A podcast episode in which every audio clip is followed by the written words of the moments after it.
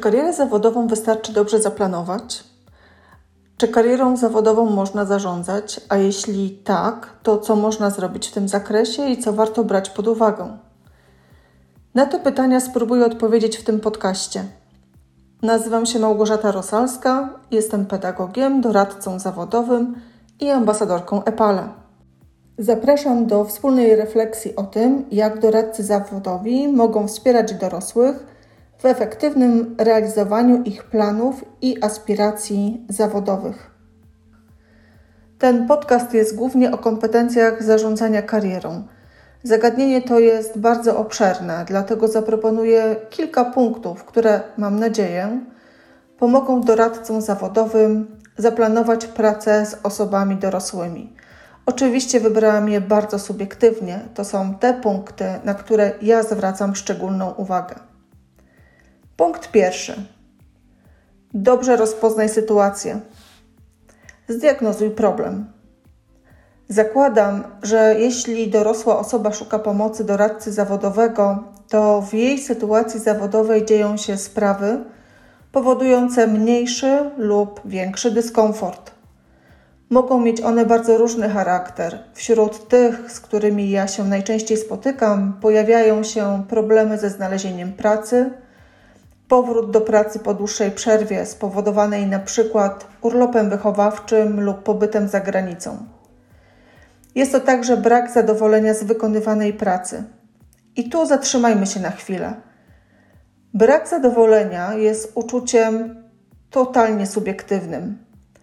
To, co dla kogoś jest zupełnie wystarczające i satysfakcjonujące, inną osobę może męczyć i frustrować. Ważne jest, aby tego nie oceniać i nie proponować mądrości w stylu inni na Twoim miejscu byliby bardzo zadowoleni albo chciałabym zarabiać tyle co Ty, a Tobie ciągle mało. Powody dyskomfortu mogą być bardzo różne. Od powodów finansowych, które wydają się tutaj dość oczywiste, po poczucie, że w tej pracy już się nie rozwijamy, że nie możemy wykorzystywać swoich kompetencji, że jest to praca poniżej naszych kwalifikacji, że przeszkadza nam w realizowaniu innych celów i ról życiowych, że nie koresponduje z ważnymi dla nas wartościami. Dopiero określenie, gdzie jest problem, umożliwi nam zaprojektowanie sensownej interwencji. Punkt drugi. Przejrzyj się uważnie dotychczasowej ścieżce karierowej osoby, z którą pracujesz. Czy można założyć, że jeśli ktoś jest niezadowolony z własnej kariery zawodowej, to źle ją zaplanował? Zdecydowanie nie. Oczywiście są osoby, które wybrały zawód zupełnie niezgodny z własnymi uzdolnieniami i predyspozycjami, że zostały zachęcone przez rodziców do wyboru szkoły czy kierunku studiów niezgodnych z ich zainteresowaniami i aspiracjami. Takie sytuacje czasami spotykamy w pracy doradczej z dorosłymi. I w takich wypadkach najczęściej wspieramy radzących się w dokonaniu koniecznych korekt. Częściej jednak jest tak, że na pewnym etapie kariery praca, która dotychczas była satysfakcjonująca i dająca wystarczające gratyfikacje, przestaje być tak przez nas postrzegana. I oczywiście nie chodzi tutaj tylko o gratyfikacje finansowe. Co może być tego powodem? Może to być na przykład zmiana sytuacji życiowej, zmiana priorytetów, zmiana w hierarchii wartości, ale także potrzeba rozwoju, potrzeba awansu, potrzeba zmiany. Może to być także pogorszenie się zdrowia albo po prostu sytuacje losowe. Co wówczas warto radzącemu się zaproponować? Ja proponuję, aby w pierwszej kolejności dokonać swoistego remanentu dotychczasowych osiągnięć. Pomocne mogą tu być pytania, czego się nauczyłeś do tej pory, w czym byłaś dobra, co było Twoim sukcesem, co sprawiało Ci najwięcej satysfakcji, ale też pytania w stylu, co sprawiało Ci najwięcej trudności, co było najbardziej uciążliwe, czego chcesz w przyszłości uniknąć. Taka rozmowa pozwoli nie tylko docenić dotychczasowe działania, ale także refleksyjnie poprzyglądać się tym aspektom, które kształtują patrzenie na to, co jest sukcesem, a co nie, co jest dla nas ważne, a co marginalne. Jest to o tyle ważne, że osoby w kryzysie na swojej ścieżce zawodowej często widzą więcej ciemnych stron, więcej porażek, więcej niedogodności niż tego, co udało im się osiągnąć i co mogą nazwać swoim sukcesem. Warto się tutaj na chwilę zatrzymać i docenić to, co dana osoba już osiągnęła. Punkt trzeci. Oceń zasoby. W pracy z młodzieżą najczęściej rozpoznajemy ich zainteresowania, aspiracje, uzdolnienia, cele. Pracy z dorosłymi bardzo ważnym aspektem, który może warunkować realizację planów karierowych, są zasoby. Nie wchodząc tu w analizę teorii poradoznawczych, na potrzeby tego podcastu zaproponuję bardzo prosty podział, który może być przydatny w pracy doradczej. Pierwsza grupa zasobów to zasoby indywidualne. Tu sprawdzamy wykształcenie, kwalifikacje zawodowe, kompetencje, stan zdrowia. Warto także poprzyglądać się kompetencjom miękkim. Wiem, że rzeczywista diagnoza w tym zakresie jest trudna i wymaga innych niż rozmowa technik e, diagnostycznych, ale warto i tak omówić tę kwestię, a przynajmniej sprawdzić, jak radzący się postrzega własne kompetencje w tym zakresie. Druga grupa to zasoby społeczne. Najważniejsza sprawa to oczywiście sytuacja rodzinna, ale pod uwagę bierzemy też inne kręgi społeczne, przyjaciół, także tych peryferyjnych. Okazuje się, że znajomi, szczególnie ci dalsi, z którymi spotykamy się od czasu do czasu, mają inne kręgi znajomości, które mogą być pomocne w znalezieniu nowej pracy lub e, w zmianie naszej ścieżki zawodowej. Innym tropem jest także analiza cechy, którą określamy jako zatrudnialność. Jest to zespół cech określający, jaki mamy potencjał jako pracownik i współpracownik. Warto na ten temat porozmawiać, aby wskazać radzącemu się, że nie tylko kwalifikacje, kompetencje twarde i wykształcenie mają znaczenie w realizacji celów karierowych. Myślę, że w gronie doradców zawodowych dobrze wiemy, że wiele kłopotów związanych z realizacją naszych planów, celów i aspiracji ma związek z deficytami w obszarze kompetencji miękkich i warto na ten aspekt e, zasobów karierowych zwracać uwagę także osobom dorosłym. Punkt czwarty to strategiczne zarządzanie karierą. Ten punkt dotyczy pomysłu na zarządzanie własną karierą. Dlaczego proponuję zarządzanie strategiczne? Głównie dlatego, że bardzo mocno akcentuje kontekst, środowisko, w którym chcemy nasze aspiracje zawodowe realizować. O wykorzystaniu tej koncepcji pisałam już na blogu Epale. Zainteresowanych zachęcam do zapoznania się z tym wpisem. W tym miejscu przypominam tylko, że zarządzanie strategiczne obejmuje cztery dziedziny: jest to zasięg, kompetencja wyróżniająca, dystrybucja zasobów i synergia. W sytuacji zmiany karierowej zasięg dotyczy nie tylko zawodu czy miejsca, w którym chcemy wykonywać pracę ale dotyczy całej branży. Sprawdzamy dokładnie, co się zmieniło, jakie są nowe trendy, jakie są wymagane kwalifikacje. Określenie zasięgu bardzo urealnia sytuację. O kompetencji wyróżniającej za chwileczkę powiem nieco więcej. Natomiast jeżeli chodzi o dystrybucję zasobów, zwracam uwagę na to, jak konieczna jest ich rzeczowa, ale też bardzo uczciwa diagnoza i analiza.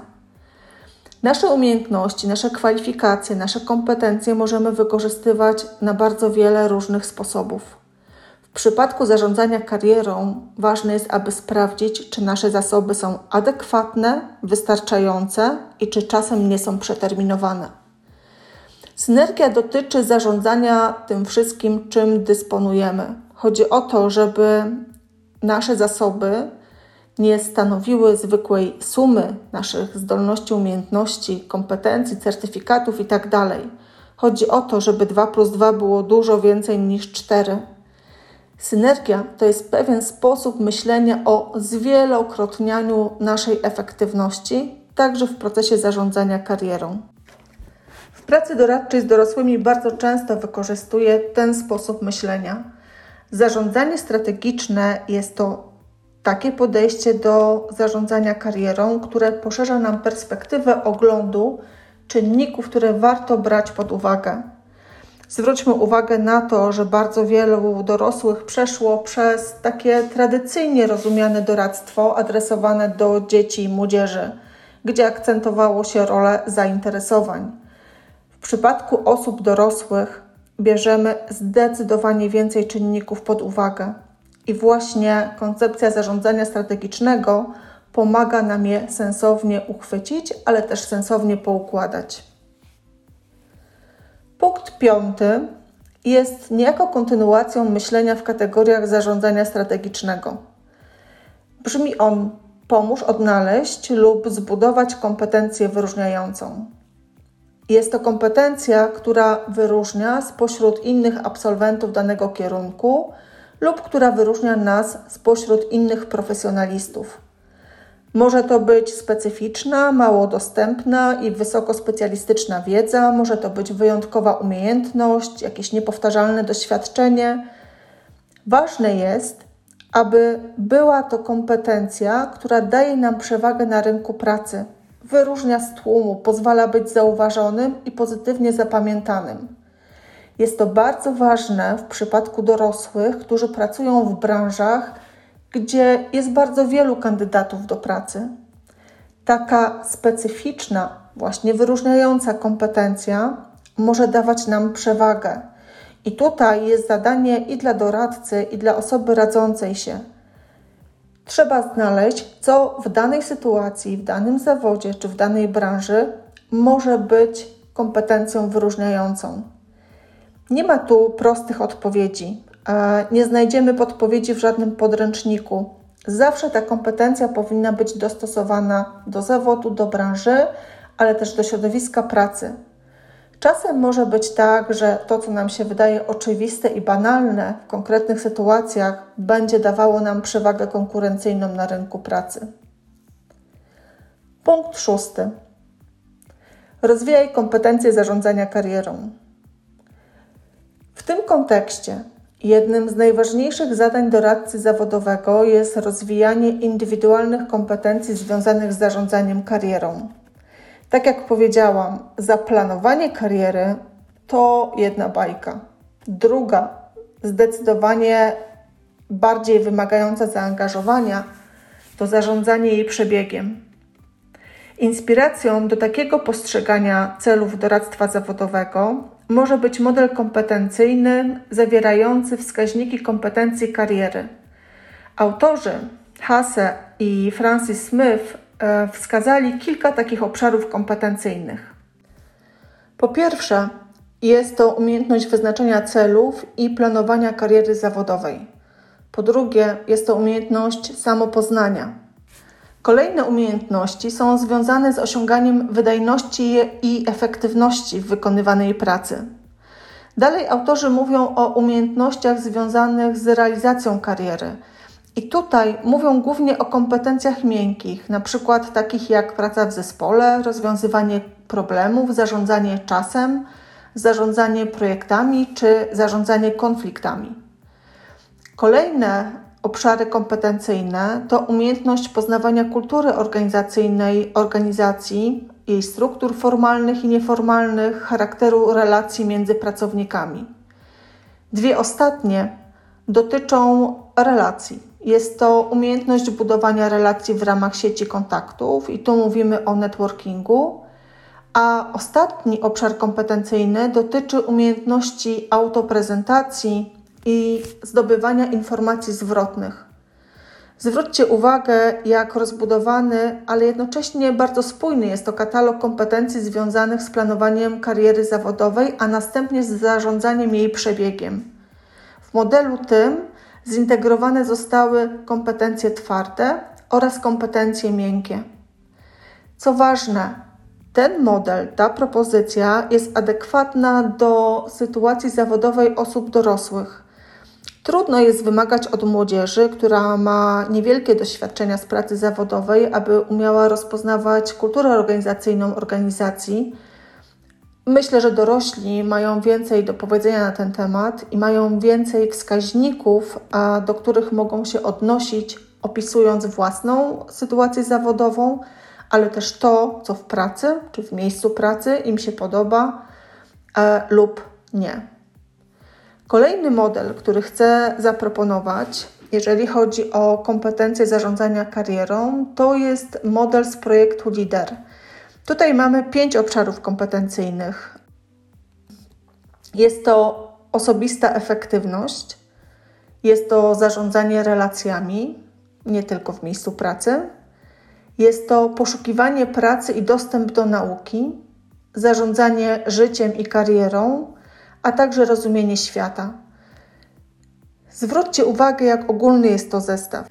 Na blogu Epale już kiedyś pisałam na ten temat, a tam też zamieściłam takie dodatkowe wskaźniki dotyczące poszczególnych obszarów.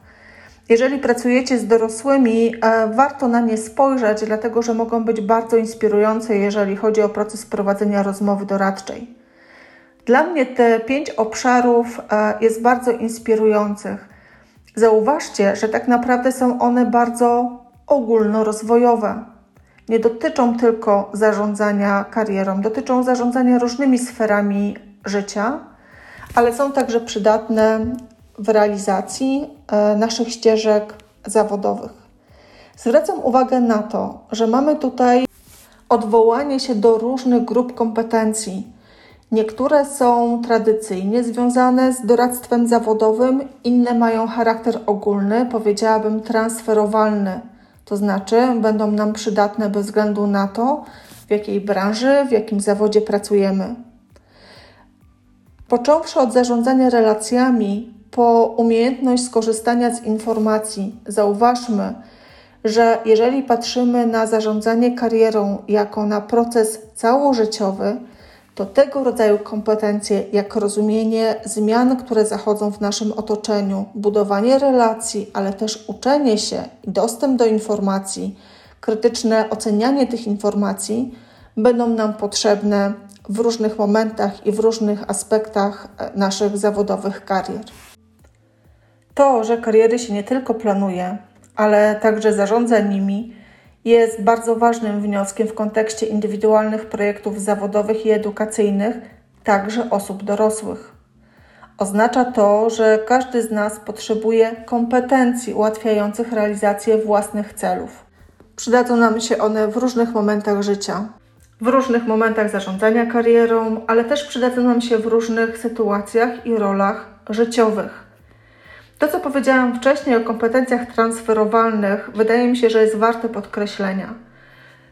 W pracy doradcy zawodowego, jeżeli zajmujemy się wzmacnianiem kompetencji do zarządzania karierą osób, z którymi pracujemy, to tak naprawdę wzmacniamy ich kompetencje do ogarnięcia własnego życia. Często jest tak, że jeżeli kłopoty w pracy wynikają z deficytu w kompetencjach miękkich, to możemy zakładać, że wzmocnienie zasobów w tym obszarze będzie korzystne także dla innych sfer życia osoby, z którą pracujemy. Podsumowując, w tym podcaście chciałam zwrócić uwagę na to, że rolą doradcy zawodowego nie jest tylko pomoc w podejmowaniu decyzji edukacyjnych i zawodowych. To też jest ważne i stanowi to dużą część naszej pracy. To, że uczenie się stało się procesem całożyciowym i to, że nasze kariery też projektujemy i realizujemy przez bardzo, bardzo wiele lat i trajektorie tych karier stały się nieprzewidywalne, nietypowe, e, nielinearne, wymaga od nas, od doradców, zwrócenia uwagi też na to, że dorosłych trzeba przygotować do efektywnego funkcjonowania w tej sytuacji ale też do efektywnego zarządzania zmianami.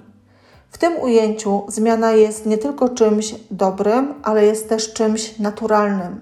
I to, czy te zmiany będą wywoływały duży poziom stresu, czy będą postrzegane jako zagrożenie, zależy też w pewnej części od tego, jak do tych zmian jesteśmy przygotowani. I te kompetencje, o których chciałam powiedzieć w tym podcaście, służą właśnie temu. Powtórzę to jeszcze raz. Większość osób, z którymi pracujemy, którzy zgłaszają się do nas jako osoby dorosłe, doświadczyła tradycyjnego doradztwa zawodowego, w którym akcent był położony na rozpoznawanie aspiracji, zainteresowań, e, uzdolnień. Na etapie realizowania kariery zawodowej dorośli potrzebują nieco innego wsparcia, potrzebują nieco odmiennych kompetencji. Mają być to kompetencje, które prowadzą do samodzielności nie tylko w obszarze planowania i projektowania dalszych etapów kariery zawodowej, ale także prowadzące do większej samodzielności i odpowiedzialności za podejmowane decyzje. Zauważcie, że te kompetencje, które wskazałam w tym podcaście, mogą pomóc jeszcze w jednej ważnej, wydaje mi się, sprawie. Bardzo wiele mówi się o work-life balance. Kompetencje zarządzania karierą służą też temu, aby zbudować odpowiednie relacje pomiędzy tym, co zawodowe, a tym, co jest dla nas sferą społeczną, rodzinną, osobistą. Ważne jest, aby pomóc dorosłym budować te przestrzenie, ale też budować granice między nimi. Oczywiście tutaj też nie podam żadnych konkretnych rozwiązań i propozycji, dlatego że każdy z nas te granice może stawiać w różnych miejscach. Ważne jest jednak, aby rozwijać te kompetencje, które pomogą i pomyśleć o tym, gdzie chcemy je zbudować, ale także o tym, jak to wszystko ogarnąć, zorganizować, aby było konstruktywne i budowało poczucie sensowności i celowości. I już na zakończenie. Chciałabym przypomnieć, że na blogu Epale znajdziecie bardzo wiele materiałów dotyczących doradztwa zawodowego. Możecie korzystać e, z wpisów na blogu, są tam też podcasty, webinary, zasoby, aktualności. Warto od czasu do czasu zaglądać e, na Epale, ale też po to, żeby tam publikować. Jeżeli macie ciekawe doświadczenia, interesujące refleksje, chcecie się nimi podzielić z innymi doradcami, to z pewnością Epale jest bardzo dobrą społecznością, bardzo dobrą przestrzenią, aby to zrobić. Bardzo Was do tego zachęcam.